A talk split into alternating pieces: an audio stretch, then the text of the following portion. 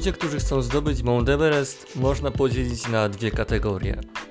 Są tacy, którzy zdobywają bazę na wysokości 5000 metrów, robią tam fotkę na tle góry, wracają do domu i chwalą się znajomym, że byli na Mount Everestie. A są tacy, którzy dopiero swoją przygodę najważniejszą życia zaczynają od bazy, aby stamtąd wyruszyć na szczyt góry. Ci pierwsi są tylko turystami, ci drudzy zdobywcami.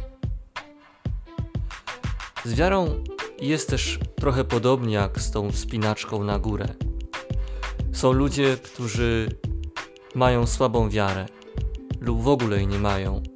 Żyją trochę na dole, na równinie. Jeśli tylko odważą się uwierzyć, odmówić jakąś modlitwę, może pójść do kościoła, jest to dla nich wielki wyczyn. Podobnie jak dojście do tej bazy. Druga kategoria ludzi wierzących to tacy, którzy są zdobywcami, którzy podejmują decyzję, by uchwycić się Boga, by w Niego wierzyć. A nawet to ci, którzy stracili wiarę lub jej nie mają, ale chcą uwierzyć w Boga, chcą Go doświadczyć, chcą iść do góry. Dlatego rozpoczynają swoją wędrówkę z wielką motywacją.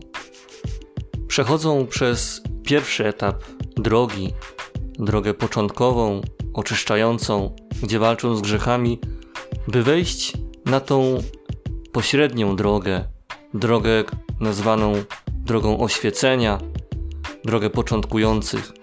To właśnie tam poznaje się rzeczywiście prawdy wiary. To tam Bóg pozwala człowiekowi zobaczyć i spojrzeć na swoje życie w innym świetle w świetle Ewangelii, w świetle Boga, zobaczyć swoje życie oczami Boga. Dlatego mówi się o tej drodze drogą oświecenia. Człowiek niejako otrzymuje światło dla swojego życia.